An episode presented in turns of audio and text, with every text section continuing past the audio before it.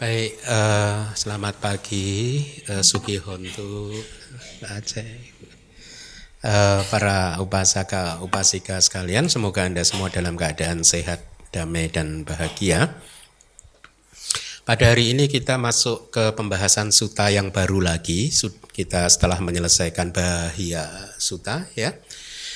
Suta kali ini berasal dari Majjhima Nikaya, suta ke 117 Maha Catari Saka Suta. Ya, saya terjemahkan menjadi seperti yang Anda bisa baca di layar, khotbah tentang 40 yang besar.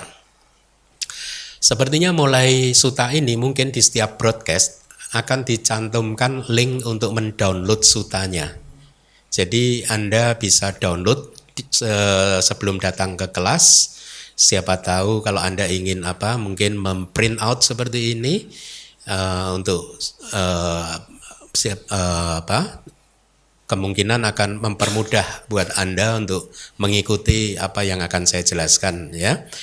Khususnya khususnya ya adalah suta ini. Kenapa saya katakan khususnya karena suta ini di samping berasal dari Majjhima Nikaya yaitu suta yang panjang menengah panjang di samping panjangnya ya karena dari Majjhima Nikaya juga suta ini membutuhkan perhatian yang benar-benar ini tekun apa Anda benar-benar memperhatikannya. Karena akan banyak diperkenalkan terminologi-terminologi baru ya yang eh, saya rasa akan memperkaya pengetahuan Anda ya. Jadi kalau mulai minggu depan Anda memperhatikan broadcast dari DBS akan selalu kita sertakan linknya ya Anda baca pelan-pelan dari broadcastnya di kelas Pariatisa sana akan disertakan link sehingga Anda bisa mendownload atau bahkan mungkin dengan pakai gadget iPad Anda atau apa ya. Nah, eh, karena pada hari ini kita tidak cukup mempunyai waktu yang panjang ya. Eh, suta ini eh, akan saya minta PIC membaca, tetapi mungkin tidak harus membaca semuanya ya akan saya jelaskan bagian per bagian dari sutanya ya. Kebetulan suta ini bisa dipotong-potong, artinya kalaupun dijelaskan bagian per bagian makna secara keseluruhannya tidak akan juga terganggu atau terpotong ya. Mari biasanya. Saya telah mendengar demikian. Pada suatu waktu Begawan tinggal di Sawati, di hutan Jeta, taman milik Anata Pindika. Di sana Begawan menyapa para biku. Wahai para biku, wahai Bante, para biku tersebut menjawab Begawan. Begawan berkata ini, Wahai para biku, aku akan mengajarkan kepada kalian konsentrasi benar yang suci beserta sebab dan perlengkapannya. Dengarkanlah ini, perhatikanlah baik-baik, aku akan berbicara. Baik, wahai Bante, para biku tersebut menjawab begawan. Di slide ini Anda diperkenalkan dengan istilah baru yaitu konsentrasi benar yang suci beserta sebab dan perlengkapannya. Jadi kalau selama ini Anda mendengar hanya konsentrasi benar, sekarang ditambah konsentrasi benar tapi yang suci gitu ya. Beserta eh, sebab dan perlengkapannya. Jadi kalau selama ini Anda hanya mendengar sama samadhi, sekarang Anda diperkenalkan istilah baru ditambahi suci yaitu Aryo sama samadhi. Kayak Arya gitu kan, tapi Aryo sama samadhi karena nominatif. Begawan berkata begini, Wahai para biku, yang manakah konsentrasi benar yang suci beserta sebab dan perlengkapannya, yaitu pandangan benar, pikiran benar, ucapan benar, perbuatan benar, penghidupan benar, usaha benar, dan perhatian penuh benar? Ya, jadi Aryo sama samadhi atau konsentrasi benar yang suci Sebab dan perlengkapannya adalah tujuh faktor jalan mulia yang lain yaitu sama didik, sama sangkapa, sama waca, sama kamanta, sama jiwa, sama wayama dan sama sati ya. Itu sebab dan perlengkapannya. Mana? Begawan berkata ini, Wahai para biku, aku akan mengajarkan oh, kepada... Sudah ini. Udah ya. Maaf. Ya. Wahai para biku, kemanunggalan kesadaran yang dilengkapi dengan tujuh faktor itu, itu yang dikatakan, wahai para biku, sebagai konsentrasi benar yang suci, beserta sebab dan perlengkapannya. Jadi kalau tadi Anda diperkenalkan dengan istilah Aryo sama Samadhi, konsentrasi benar yang suci, sekarang istilah itu ekuivalennya atau istilah yang sama adalah kemanunggalan kesadaran atau cita saeka gata gitu ya. Kemanunggalan kesadaran itu ya sama di sama-sama di ya.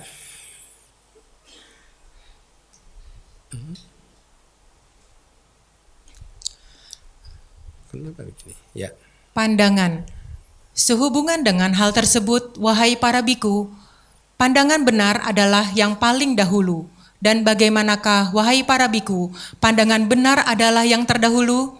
Seseorang memahami pandangan salah sebagai pandangan salah, seseorang memahami pandangan benar sebagai pandangan benar. Itu adalah pandangan benar seseorang. Nah, Anda selama ini sering mendengar pandangan benar. Sekarang Anda diberi definisi sesuai dengan kata-kata Buddha sendiri yang disebut pandangan benar. Yang pertama kali yang harus kita pahami adalah memahami pandangan salah sebagai pandangan salah dan memahami pandangan benar sebagai uh, pandangan benar.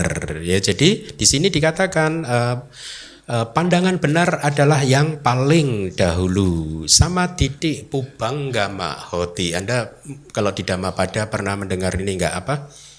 Mano pubanggama dama, mano seta, mano maya gitu kan.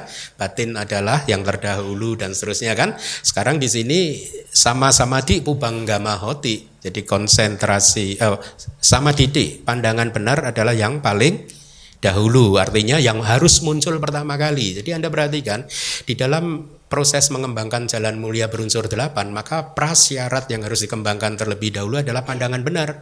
Dan di sini didefinisikan pandangan benar adalah memahami pandangan salah sebagai pandangan salah, memahami pandangan benar sebagai pandangan benar. Artinya apa lagi? Anda harus tahu apa itu pandangan salah, apa itu pandangan benar, ya. Jadi ada dua jenis pandangan benar, yaitu apa? Memahami pandangan salah sebagai pandangan salah dan memahami Iya, bagus. Selanjutnya, yang manakah pandangan salah wahai para biku? Satu, tidak ada yang didermakan. Dua, tidak ada yang dikorbankan. Tiga, tidak ada persembahan. Empat, tidak ada buah dan hasil dari kama-kama yang berasal dari perbuatan baik dan tidak baik. Lima, tidak ada dunia ini. Enam, tidak ada dunia lain. Tujuh, tidak ada ibu. Delapan, tidak ada ayah. Ya, break sebentar. Jadi ini sepuluh pandangan salah. Ya, sepuluh pandangan salah itu eh, misalkan yang pertama Anda baca tidak ada yang didermakan artinya begini, tidak seseorang meyakini bahwa yang dinamakan derma itu tidak ada. Artinya dia tidak mempercayai bahwa berdana atau berderma itu bisa memberikan buah. Itu pandangan salah. Ada loh orang yang percaya seperti itu nggak perlu berdana karena buat apa berdana? Nggak ada manfaatnya gitu kan sama juga nanti nggak nggak perlu mendengarkan damatok atau nggak perlu mendengarkan uh, pembabaran kitab suci ya karena itu juga nggak ada manfaatnya. Itu juga pandangan salah. Itu yang pertama. Kalau yang kedua tidak ada yang dikorbankan itu mirip-mirip. Jadi ini masalah e, perbedaannya adalah yang nomor dua ini kalau di kitab komentar disebutkan sebagai pengorbanan besar. Kalau di Myanmar sering itu ada dana mahadana dana yang sangat besar. Seseorang benar-benar mendanakan hampir seluruh kekayaannya kepada sang uh, kepada sangga atau kepada siapa yang membutuhkan. Ya. Jadi orang yang memegang pandangan salah dia tidak percaya bahwa perbuatan seperti itu akan memberikan buah. Ya maka hati-hati kita harus menghindari itu ya. Nah tentang 10 pandangan salah ini Anda bisa membaca buku saya manual abidama jilid kelima halaman 170 Sembilan, tidak ada makhluk-makhluk yang lahir secara spontan. Sepuluh, tidak ada petapa dan brahmana di dunia ini yang baik dan bermoral, yang setelah mengalami dan memahami melalui pengalaman sendiri, mengungkapkan dunia ini dan dunia lain. Inilah, wahai para biku, pandangan salah. Ya, ada baiknya Anda pelajari, Anda renungkan, Anda Anda hafalkan bahkan mungkin 10 pandangan salah ini ya, supaya Anda bisa menghindarinya. Selanjutnya, Yang manakah pandangan benar, wahai para biku? Pandangan benar, wahai para biku, aku katakan ada sepasang. Jadi ada dua pandangan benar lagi. Pertama, wahai para biku, ada pandangan benar yang tercemar oleh noda-noda batin yang menjadi bagian kebajikan yang matang sebagai substrat. Pandangan benar ini sering disebut sebagai pandangan benar duniawi. Ya, jadi artinya karena meskipun Anda mempunyai pandangan benar yang nomor satu ini, tetapi karena dia duniawi, artinya buahnya akan dinikmati ya hanya di dalam samsara saja.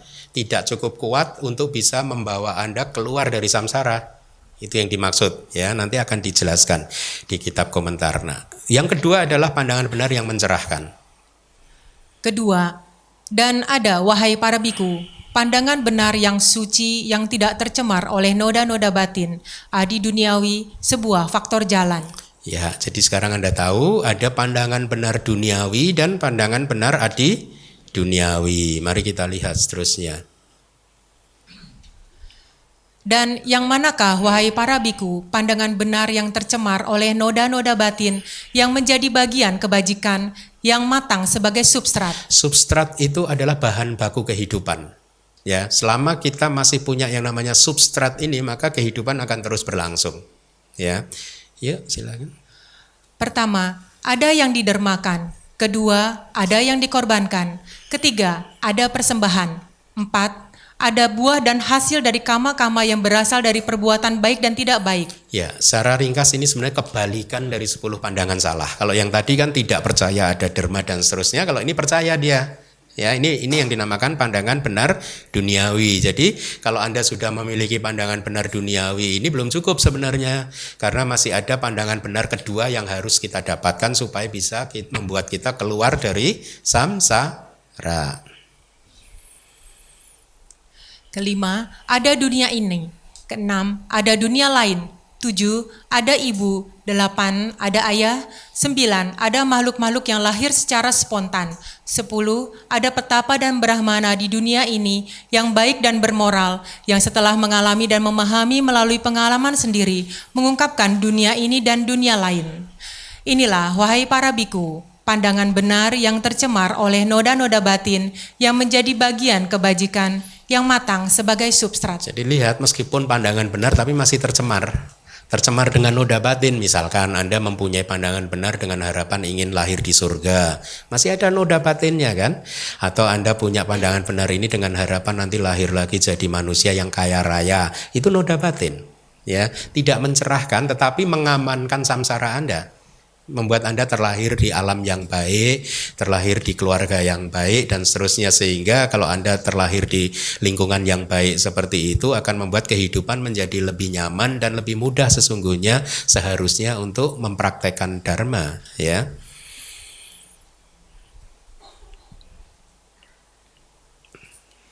Dan yang manakah wahai para biku pandangan benar yang suci yang tidak tercemar oleh noda-noda batin, adi duniawi, sebuah faktor jalan. Wahai para biku, kebijaksanaan indria yang dinamakan kebijaksanaan, kekuatan yang dinamakan kebijaksanaan, faktor pencerahan yang dinamakan investigasi dhamma, faktor jalan yang dinamakan pandangan benar seseorang yang batinnya suci. Nah ini adalah pandangan benar yang adi duniawi tadi, yang tidak tercemar oleh noda-noda batin ya, yaitu kebijaksanaan, kemudian indria yang dinamakan kebijaksanaan atau panyindria, kekuatan yang dinamakan kebijaksanaan adalah panyabala ya dan seterusnya. Nanti akan kita jelaskan, kita lihat dari kitab komentarnya yang batinnya tanpa noda-noda batin, yang memiliki jalan mulia, dan yang sedang mengembangkan jalan mulia.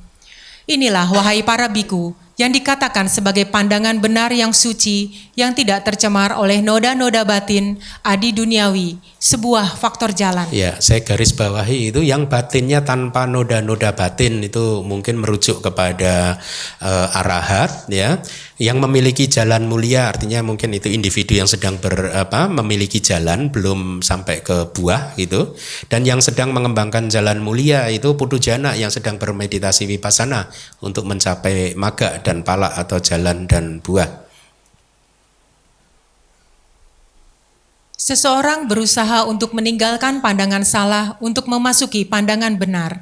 Ini adalah usaha benar seseorang. Dengan penuh perhatian, seseorang meninggalkan pandangan salah. Dengan penuh perhatian, seseorang telah memasuki pandangan benar. Di sini ada usaha benar, sama wayama, salah satu faktor dari jalan mulia berunsur delapan. Di sini dijelaskan bahwa usaha benar adalah berusaha untuk meninggalkan pandangan salah. Jadi setiap kali Anda masih mempunyai pandangan salah, kalau kita bicara di duniawi, duniawi ataupun duniawi, kemudian Anda berusaha untuk meninggalkan pandangan salah tersebut, ya misalkan dengan terus mempelajari, menimba ilmu dan lain sebagainya, itu adalah juga usaha benar, meskipun nanti bisa diklasifikasikan ke dalam dua kategori, yaitu usaha benar yang duniawi atau usaha benar yang adi duniawi. Nah sekarang kita berada dalam eh, kategori yang kedua, yaitu usaha benar adi di duniawi. Ini adalah perhatian penuh benar seseorang. Jadi, tiga dhamma berikut ini berlarian mengikuti dan senantiasa mengitari pandangan benar, yaitu pandangan benar, usaha benar, dan perhatian penuh benar. Tiga dhamma ini akan terus muncul nanti berkaitan dengan faktor-faktor yang lain. Kan saat ini kita baru mempelajari faktor pertama dari jalan mulia berunsur delapan, yaitu apa? Pandangan benar. Nanti waktu kita masuk di pembahasan faktor yang kedua, pikiran benar dan seterusnya, faktor yang ketiga, tiga dhamma ini juga akan senantiasa muncul. Bagus juga kalau Anda hafalkan bahwa tiga dhamma berikut ini berlarian mengikuti dan senantiasa mengitari mengitari pandangan benar. Yang menarik adalah bahwa pandangan benar itu sendiri juga mengitari pandangan benar. Nah, maksudnya bagaimana? Kalau Anda tidak membuka kitab komentar Anda tidak akan tahu. Kemudian yang kedua adalah usaha benar, yang ketiga adalah perhatian penuh benar. Jadi kalau bahasa palinya apa? Sama didik sama wayama sama sati ya. Jadi sama titik, sama wayama, sama sati adalah tiga dhamma yang senantiasa mengikuti dan mengitari pandangan benar. Ya, saya rasa cukup karena poin kedua adalah pikiran ya. Kita mungkin bahas minggu depan saja. Jadi dari apa yang sudah dibaca oleh Yulia, mari kita lihat sekarang penjelasan dari kitab komentarnya. Ada Ewa Mesutang, ini masih terjemahan lama. Yang baru saya sudah rubah tidak demikianlah yang telah saya dengar karena kurang akurat. Yang lebih akurat adalah saya telah mendengar demikian. Itu lebih akurat ya di kelas bahasa Pali sudah saya jelaskan. Ini adalah perkataan yang Arya Ananda dalam hal ini berkaitan dengan apa yang disampaikan di dalam Maha Catari Saka Suta atau khotbah tentang 40 yang besar ya. Ada 40 dhamma nanti yang akan dibahas di dalam suta ini. Makanya suta ini benar-benar membutuhkan perhatian Anda gitu ya. Nah, sehubungan dengan hal tersebut yang dimaksud dengan suci adalah tanpa cacat atau adi duniawi. Adi duniawi ini bahasa palinya lokutara. Lokutara itu loka dan utara. Utara itu melampaui, loka itu dunia. Jadi adi duniawi kalau merujuk kepada kata atau istilah palinya adalah sesuatu yang melampaui dunia. Sesuatu yang melampaui samsara, sesuatu yang bisa membuat kita keluar dari samsara. Itu istilah adi duniawi. Dia disebut suci karena tanpa cacat, oleh karena itu dikatakan sebagai suci. Nah, konsentrasi benar adalah lihat jadi konsentrasi benar atau sama-sama di di sini secara spesifik dibatasi hanyalah konsentrasi di dalam jalan. Artinya apa? Ini adalah samadhi yang muncul di kesadaran jalan. Ya. Bukan di kesadaran sehari-hari seperti ini. Ini khusus samadhi yang muncul di kesadaran jalan. Beserta sebab adalah beserta kondisinya, beserta perlengkapannya adalah bersama pengiringnya. Itu penjelasan dari kitab uh, komentar. Dari kitab sub komentar ada sedikit catatan juga yang disebut suci itu bebas dari cacat ya bebas dari kerusakan. Ya, artinya kalau Anda adalah seorang yang suci, Anda adalah seorang yang sudah terbebas dari kerusakan, dari cacat, dari noda batin. Oleh karena itu ada kata telah mengatakan sebagai tanpa cacat bahasa palinya nidosa. Ya, dosa ini menarik. Meskipun dia bahasa Pali tetapi diadopsi di bahasa Indonesia dengan mendapatkan pemahaman yang berbeda berubah ya dosa sebagai kesalahan yang kalau ini akan membuat seseorang lahir di neraka begitu kan? Tapi sebenarnya arti aslinya tidak seperti itu. Dosa itu bisa diartikan cacat kerusakan batin ya atau kemarahan kebencian itu dosa. Akan tetapi Keadaan tanpa cacat tersebut memiliki keunikannya sendiri karena sifat melampaui dunia. Itu penjelasan dari tikanya atau subkomentarnya. Bahasa palinya lokutara bawa gitu ya. Itulah mengapa kata atau kitab komentar telah mengatakannya sebagai adi duniawi.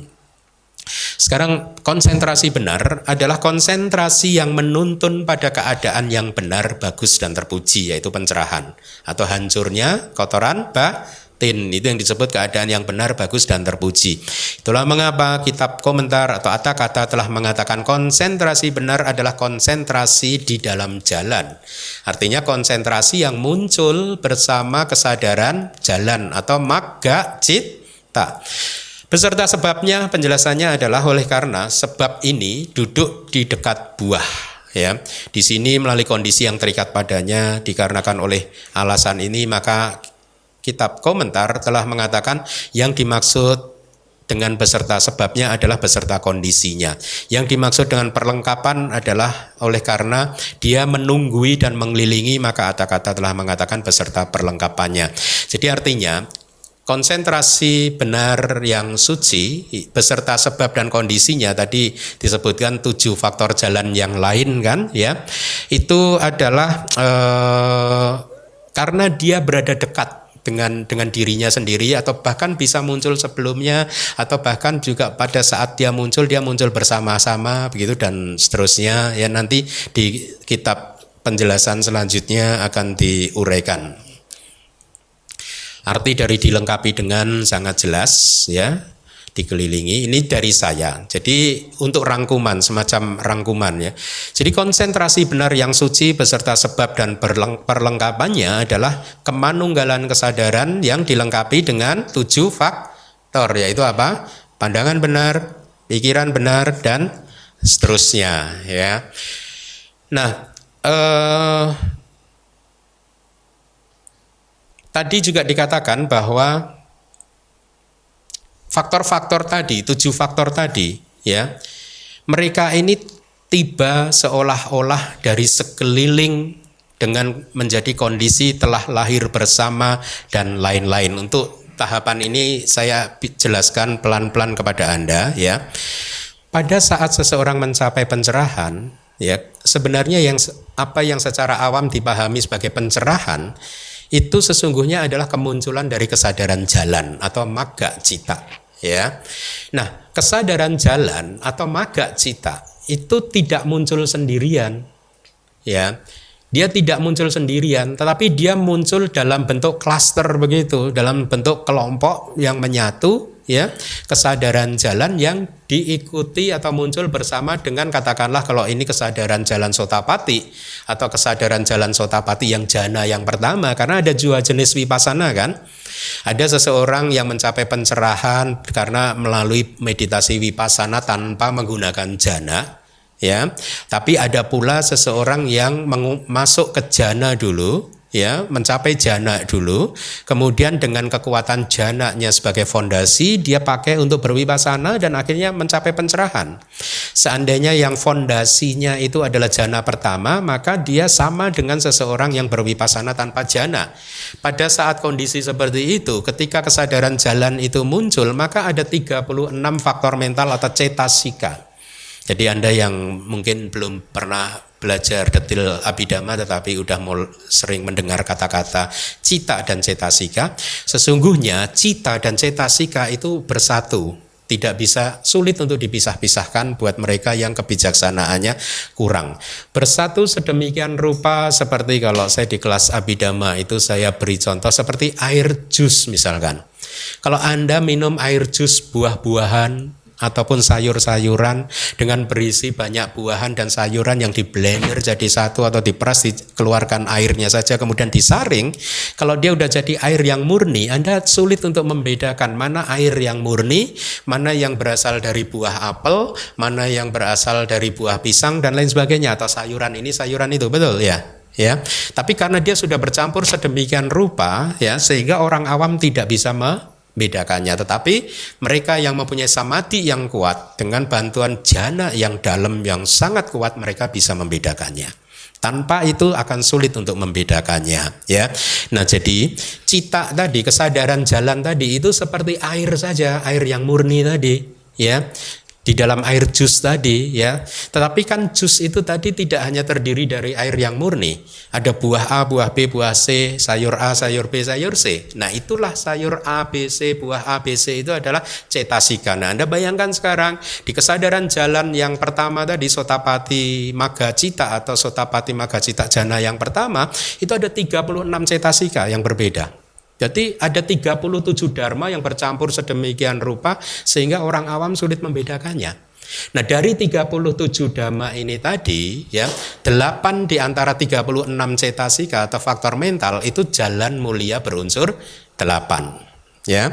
Nah jalan mulia berunsur 8 ini muncul bersama. Makanya dia disebut di sini telah lahir bersama. Ya toh? Dia menjadi kondisi yang sudah lahir bersama. Artinya apa sih? Ini padhana ini sebenarnya adalah uh, pelajaran abidama.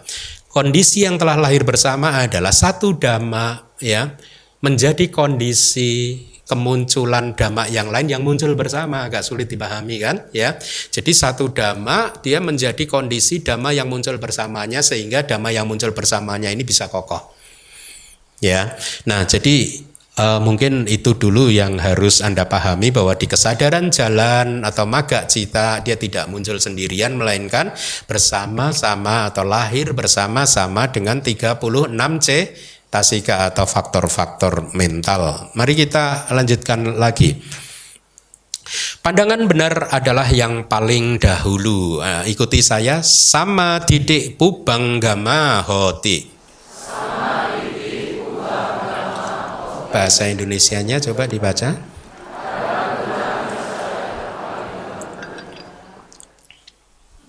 Ini bagus sekali. Di dalam kehidupan ini kalau Anda ingin mendapatkan kehidupan yang dilingkupi dengan kebijaksanaan, kedamaian dan kebahagiaan, maka pertama kali yang harus Anda miliki, kembangkan adalah pandangan benar. Karena dia adalah yang paling dahulu. Harus kita kembangkan uh, terlebih dahulu sebelum faktor-faktor jalan yang lain. Nah, sekarang Anda harus pelajari apa itu pandangan benar.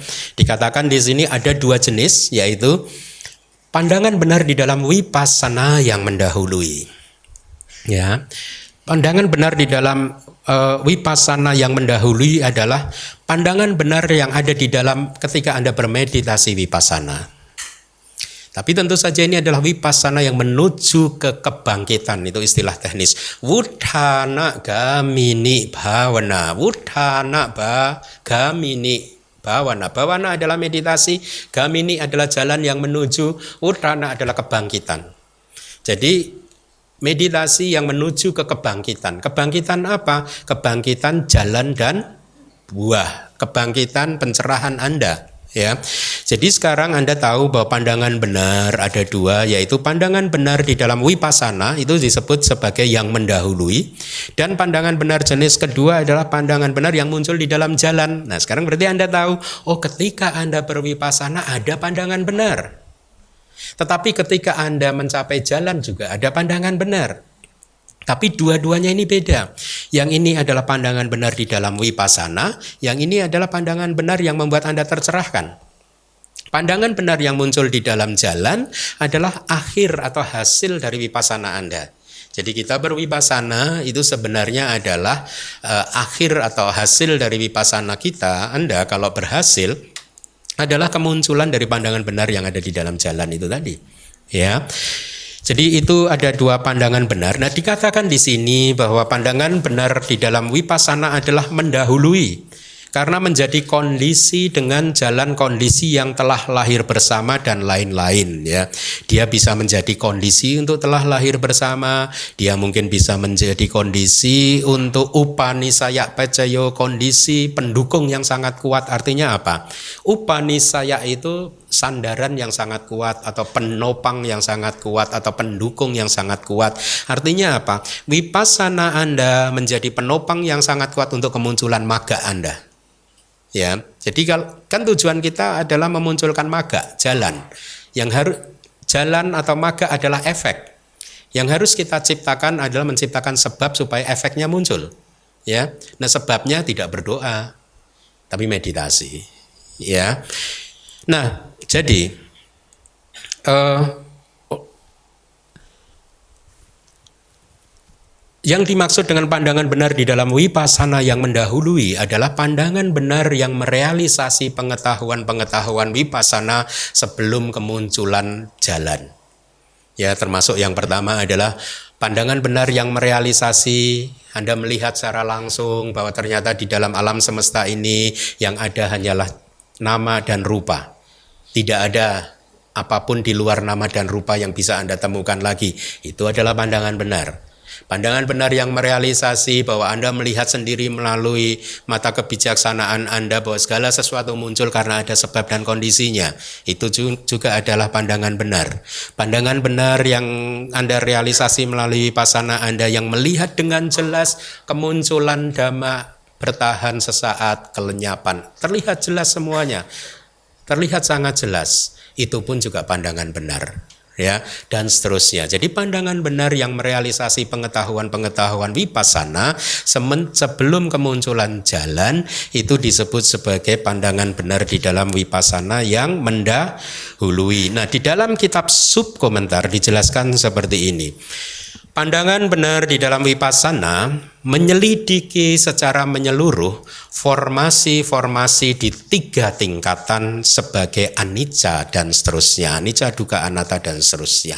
Artinya di sini kitab subkomentar memberikan petunjuk kepada kita bahwa pandangan benar yang di yang muncul di vipassana kita adalah menyelidiki formasi-formasi seperti yang tadi saya katakan, menyelidiki nama dan rupa, batin dan jasmani, tapi di sini disebutkan di tiga tingkatan. Buat mereka yang wipassananya itu matang, eh, eh, terutama samadinya kuat, satinya kuat, panyanya kuat, mereka bisa melihat nama dan rupa, rupa itu di tiga tingkatan.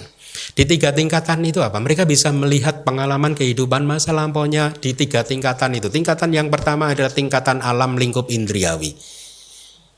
Bagaimana formasi-formasi nama rupa yang berada di sebelas alam lingkup indriawi. Itu tingkatan yang pertama. Tingkatan yang kedua adalah nama dan rupa yang ada di alam Brahma materi halus. Tingkatan yang ketiga adalah nama dan rupa di alam Brahma non materi. Inilah yang disebut di tiga tingkatan.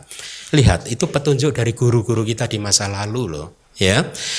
Akan tetapi pandangan benar di dalam jalan. Jadi kalau tadi adalah pandangan benar di dalam wipa sana. Nah sekarang adalah pandangan benar di dalam jalan itu mengakhiri dan memadamkan siklus kotoran batin. Jadi ketika pandangan benar muncul di kesadaran jalan sebagai hasil dari wipasana Anda, maka pandangan benar ini benar-benar menghancurkan kilesa. Ya, memadamkan siklus kotoran batin yang telah diterima oleh tingkatan kesadaran ya muncul di akhir dari penyelidikan secara menyeluruh atau muncul di akhir wipasana Anda seperti seolah-olah sedang menyiramkan air dari seribu kendi, air dingin dari seribu, Anda tahu kendi nggak sih? Tahu ya?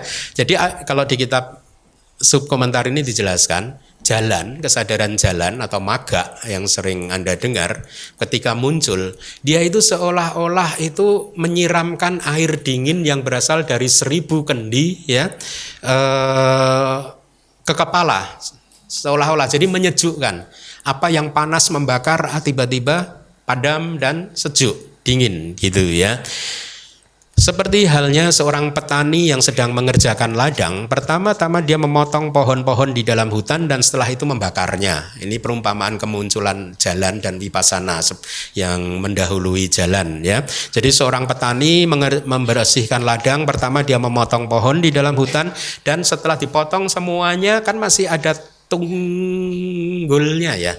Akarnya kan suka masih ada kan, dia bakar supaya benar-benar mati gitu ya supaya pohonnya nggak muncul lagi, rumput liarnya nggak muncul lagi.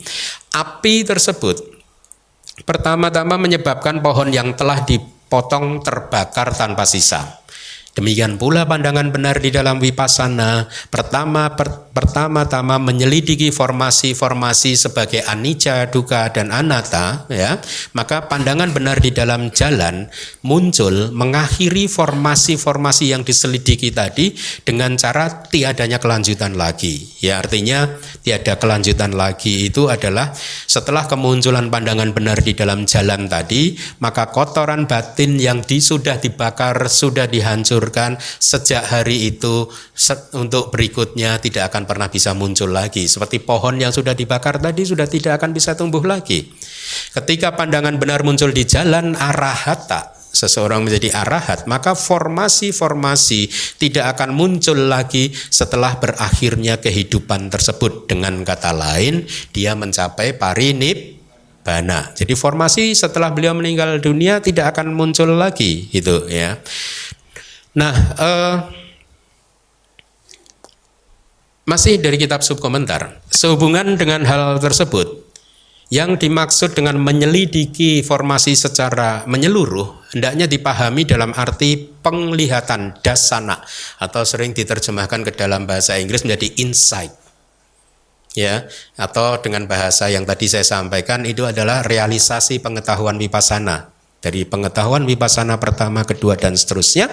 Pengetahuan itu tadi, ya, penglihatan itu tadi menjadi faktor yang paling dahulu muncul terlebih dahulu untuk pandangan benar yang terjadi melalui dominasi di dalam penyelidikan formasi-formasi di tiga tingkatan sebagai anicca, duga dan anatta. Jadi sebenarnya ketika Anda berwipasana, Anda itu diminta untuk menyelidiki formasi-formasi hanya untuk merealisasi bahwa semua formasi di tiga tingkatan itu anicca, duga, dan anatta.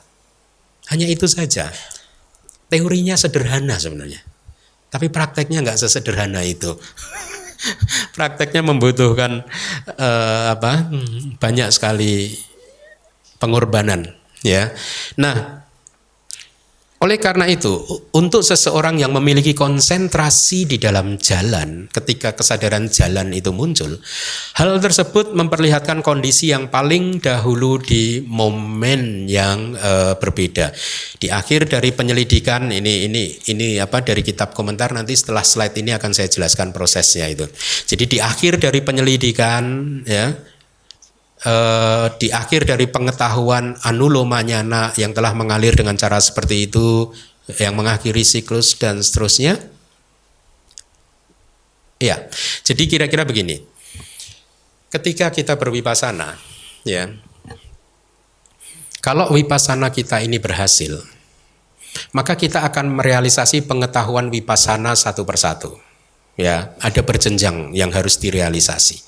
Sampai sebelum kemunculan uh, jalan sesaat sebelum kemunculan jalan ya ada gotra bunyana tapi sebelum pergantian silsilah menarik di dalam vipassana kalau Anda itu mencapai keberhasilan di dalam vipassana Anda akan masuk merealisasi pengetahuan yang disebut pengetahuan tentang pergantian silsilah.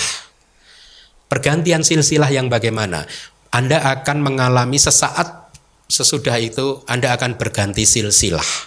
Yang sebelumnya Anda adalah berasal dari silsilah atau keturunan putu jana, sesudah itu Anda akan berganti berada dalam silsilah atau keturunan Arya, orang suci. Tetapi sebelum momen pergantian silsilah yang tidak terbendung ini akan muncul apa yang disebut anulomanyana. Anulomanyana ini adalah pengetahuan kesesuaian Ya, jadi batin Anda mulai menyesuaikan, menyesuaikan diri dengan antara silsilah lama ya. Sebagai putu jana Anda pelajar uh, akan terlihat jelas kemudian juga mulai pelan-pelan menyesuaikan diri menuju ke silsilah yang baru ya. Nah, makanya ini yang disebut tadi di dalam kitab uh, subkomentar ya. Proses di dalam wipasana ya bahwa sebelum terjadi penghancuran kotoran-kotoran batin maka proses itu berlangsung seperti itu sampai ke anuloma nyana gitu. Kira-kira begini prosesnya yang ada di slide jelas ya. Minggu lalu sudah saya sampaikan juga tetapi dalam proses kognitif yang berbeda. Di sini saya sampaikan proses kognitif absorpsi jalan. Ini adalah proses kognitif yang muncul ketika seseorang mencapai pencerahan, ya. Di dalam rangkaian kesadarannya seperti yang Anda sudah ketahui, satu lingkaran ini adalah satu kesadaran. Sedangkan Anda ketahui satu kesadaran itu usianya satu per satu triliun detik kira-kira cepat sekali. Berarti sebenarnya proses pencerahan itu terjadi itu kira-kira tidak ini kalau ini berapa kesadaran ini? Katakanlah ini katakanlah ini 15 kesadaran. Enggak sampai 15 sih harusnya sih. 8 hmm, kesadaran ya. 8 per 1 triliun detik. Jadi proses pencerahan itu hanya kira-kira katakanlah 8 per 1 triliun detik di dalam satu proses kognitif ini ya. Nah di dalam proses kognitif ini Anda lihat bulatan yang pertama adalah bawangga jadi ini adalah arus faktor kehidupan yang mengambil objek dari kehidupan masa lalu Anda bukan kehidupan yang sekarang ini ya. Kemudian ketika pencerahan itu akan muncul ya, maka bawangga itu akan bergetar ya. Kemudian diikuti bawangga yang ketiga PHT itu penghentian. Setelah bawangga yang PHT ini harus kesadaran yang mengambil objek dari kehidupan masa lalu Anda bukan kehidupan yang sekarang berhenti. Setelah itu muncul kesadaran aktif baru yaitu man, mano dwara wajana cita yaitu kesadaran yang mengarahkan ke pintu batin Anda yang mulai melihat anicca atau duka atau anatta. Salah satu kalau orang yang apa terbiasa cocok dengan anicca. Dia sejak di dalam wipassananya cenderung mengamati anicca dia akan melihat anicca di sini. Kalau seseorang yang cenderung untuk mengamati duka dia akan mengamati duka lakana atau karakteristik duka. Atau yang satunya lagi anatta kalau dia cocok dengan uh, cenderung untuk mengamati anatta. Nah manodwara wajana cita atau kesadaran yang mengarahkan ke pintu batin dia mengamati salah satu dari tiga karakteristik tadi yaitu anicca atau duka atau anatta. Dia muncul hanya satu kali kemudian lenyap dan kemudian dilanjutkan dengan parikama. Parikama itu apa? Uh, ya persiapan, persiapan untuk mencapai pencerahan. Masih objeknya masih anicca atau duka atau anatta. Kemudian u itu uh, upacara, ya. Upacara itu bahasa Indonesianya apa? Uh, huh? Apa upacara itu uh, hmm? upacara ya uh, saya lupa juga upacara itu kayak neighborhood sih sebenarnya sih neighborhood gitu. Kalau tadi persiapan ini sudah mendekati, jadi neighborhood kayak tetanggaan begitu ya. Dia masih mengambil objek anicca atau duka atau anatta. Kemudian dia lenyap muncul satu kesadaran NN itu anuloma ya kesesuaian. Dia mengambil objek masih anicca atau duka atau anatta salah satu. Kemudian lenyap kemudian gotrabu. Anda lihat itu gotrabu itu. G itu gotrabu. Pergantian silsilah. Ya jadi kalau Anda sudah mencapai ini Anda sedang berada dalam satu momen kesadaran setelah itu Anda akan menjadi seorang Arya berganti silsilah Anda. Setelah pergantian silsilah ini lenyap, Anda lihat itu ada mak, maga muncul. Kesadaran maga muncul dengan sangat cepat sekali tetapi kali ini objeknya adalah nibbana. Jadi sudah tidak melihat anicca duka dan anatta lagi, tetapi yang dia lihat dari kesadaran jalan itu adalah nibbana. Inilah pencerahan. Jadi pencerahan terjadi ketika kesadaran Anda mampu mengambil nibbana sebagai objeknya. Hanya muncul satu kali kesadaran jalan tugasnya adalah menghancurkan kilesa seperti petani tadi atau yang tukang yang ada di ladang dia memotong semua pohon ya dan kemudian membakarnya. Ya sehingga kilesa tidak akan bisa muncul. Setelah kesadaran jalan ini muncul satu kali, kemudian dilanjutkan lagi dengan kesadaran buah dua kali.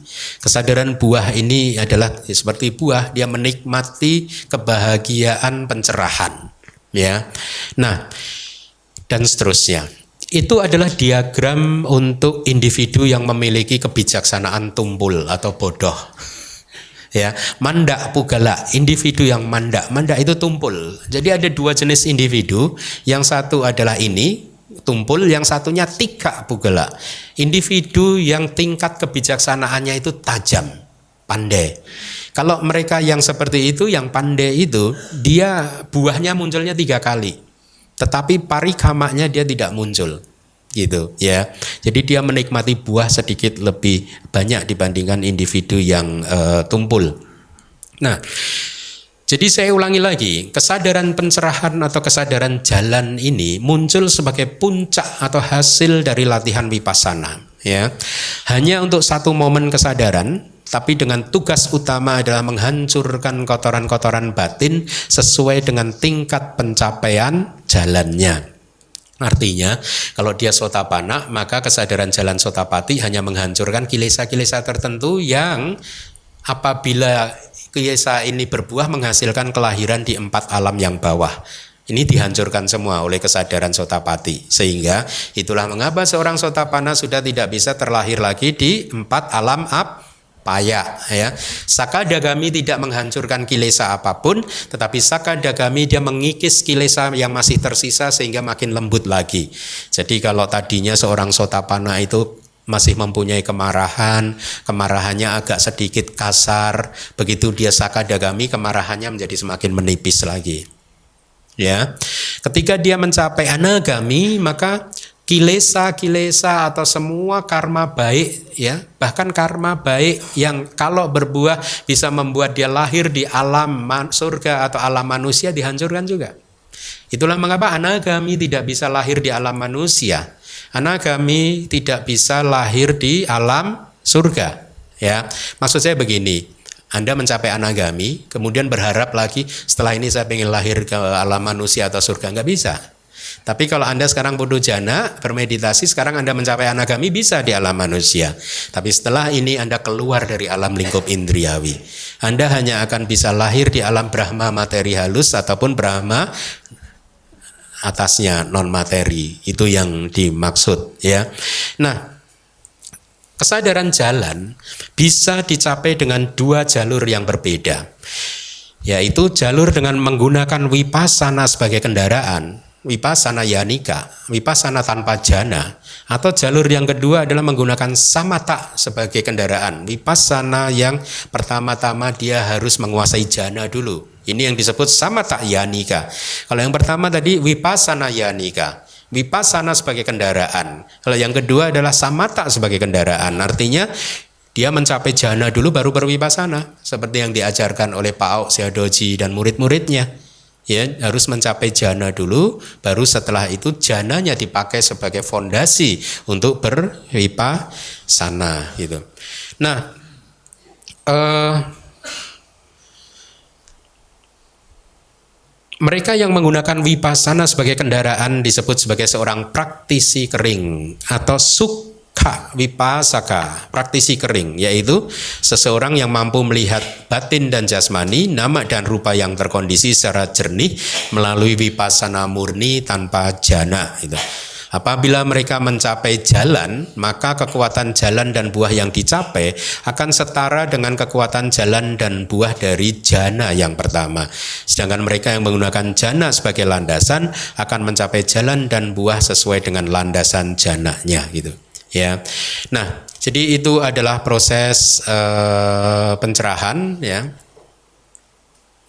Saya tadi diberi pesan sampai jam 9. Masih? Sudah. Sudah 9.30 ya? Eh sorry 10.30 ya? Sudah ya.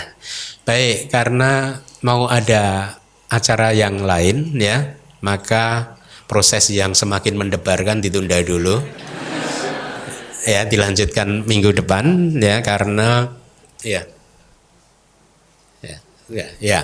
Jadi kita hentikan dulu sampai di sini. Minggu depan akan kita lanjutkan lagi. Terima kasih.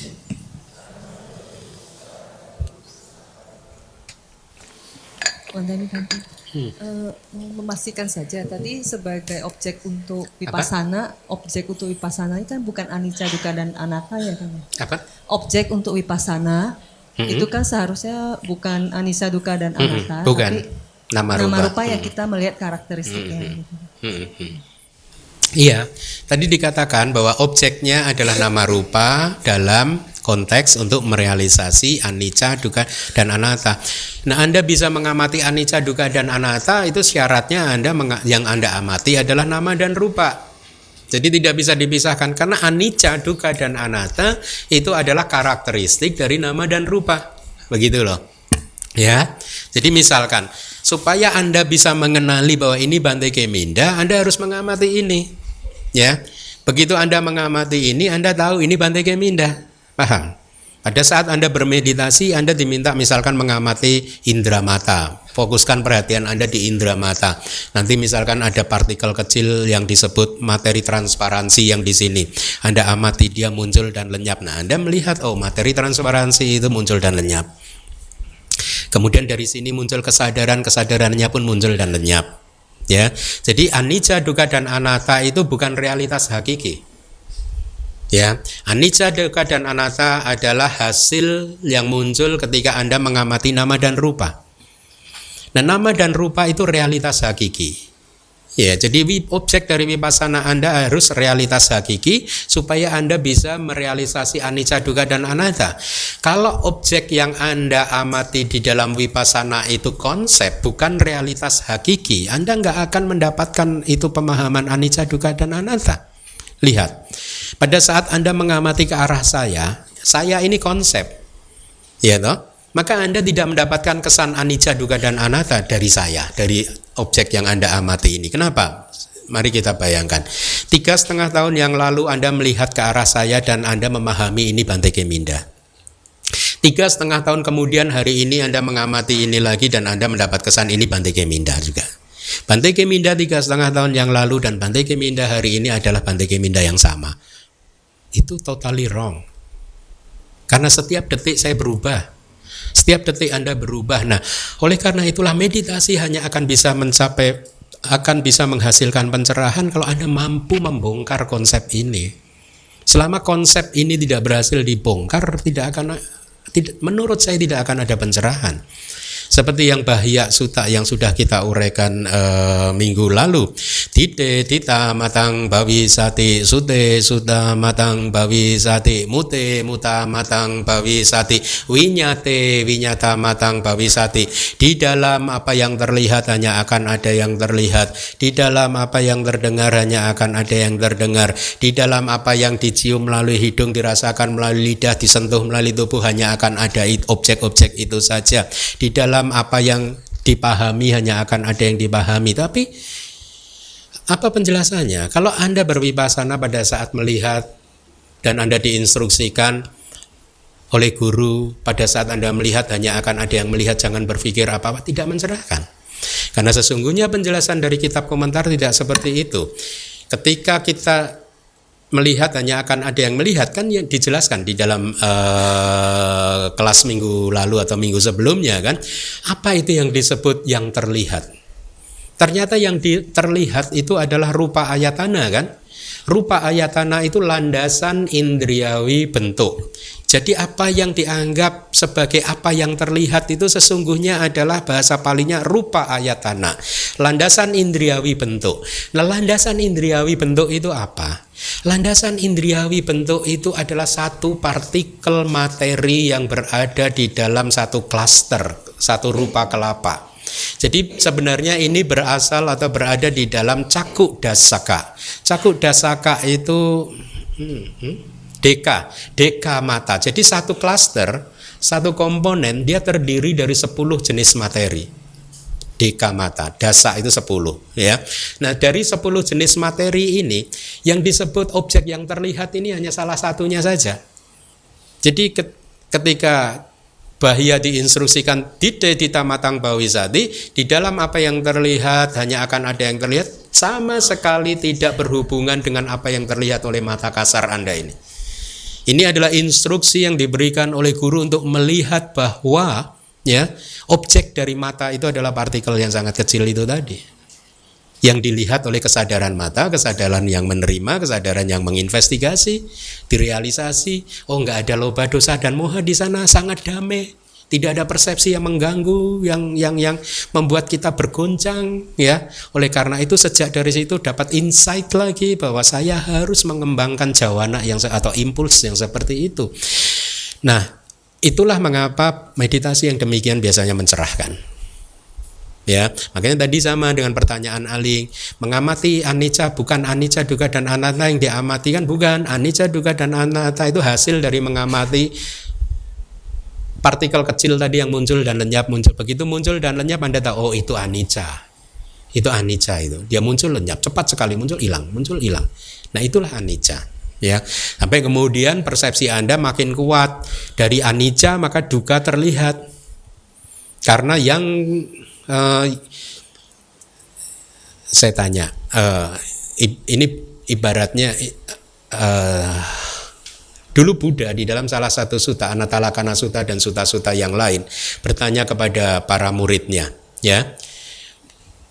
Para biku objek bentuk ini tadi itu kekal atau tidak kekal Anda jawab tidak kekal apa pun yang tidak kekal itu suka atau duka anda bisa menemukan segala sesuatu yang kekal di alam semesta ini? Nggak ada. Oleh karena itu semua di alam semesta ini adalah duka. Kenapa? Karena anicca. Kemudian Buddha mengatakan segala sesuatu yang tidak kekal, duka dan senantiasa berubah seperti itu pantas atau tidak kalau Anda anggap sebagai etang mama ini milikku pantas tidak? Hah? Esohamasmi ini aku pantas nggak? Esome ata, ini diriku. Pantas enggak? Tidak. Itulah anata. Ya, jadi mungkin dari pengamatan terhadap anicca pelan-pelan pemahaman dia tentang duka meningkat dan anata meningkat. Ini satu jalur sebenarnya anicca, duka dan anata. Gitu ya. Oke, terima kasih.